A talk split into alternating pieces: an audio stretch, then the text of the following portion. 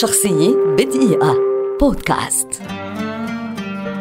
زيكو واسمه الحقيقي آرثر أنتونيس كويمبرا لاعب كرة قدم برازيلي سابق ومدرب حالي ولد عام 1953 ويعد واحدا من أبرز اللاعبين وأشهرهم في تاريخ البرازيل وكرة القدم العالمية.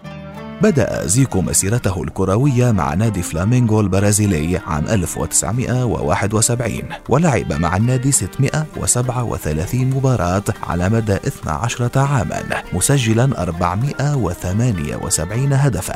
وفي عام 1983 انتقل إلى نادي أودينيزي الإيطالي ولعب لهم 79 مباراة سجل خلالها 56 هدفا. ليعود في عام 1985 إلى نادي فلامينغو. فلامينغو ويلعب معهم لمدة أربع سنوات من جديد مشاركا خلالها في 94 مباراة سجل فيها 30 هدفا.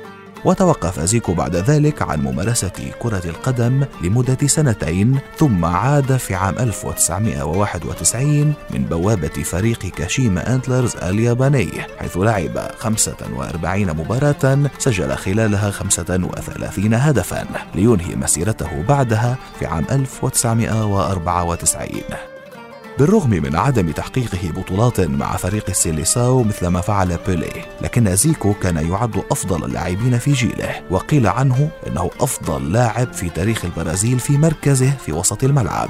ومع 52 هدفا لمنتخب بلاده أصبح زيكو وقتها ثالث هداف في تاريخ البرازيل بعد بيلي وروماريو وقد اشتهر بلقب بيلي الأبيض. بعد اعتزاله لعب كرة القدم. عمل زيكو مساعد لمدرب المنتخب البرازيلي زاغالو عام 1998 ثم درب منتخب اليابان منذ عام 2002 حتى عام 2006 محققا كأس آسيا 2004 في الصين. ولكنه بعد نتائج غير طيبة في كأس العالم 2006 ترك المنتخب الياباني وتوجه لتدريب نادي فنربخش التركي. ووصل معه في موسم 2007-2008 إلى ربع نهائي دوري أبطال أوروبا وهو ما لم يحققه أي مدرب آخر في تاريخ النادي. ثم انتقل لتدريب نادي سيسكا موسكو الروسي من ثم أولمبياكوس اليوناني وتولى بعد ذلك تدريب المنتخب العراقي وبعده فريق الغرافة القطري ثم أخيرا فريق جوا الهندي.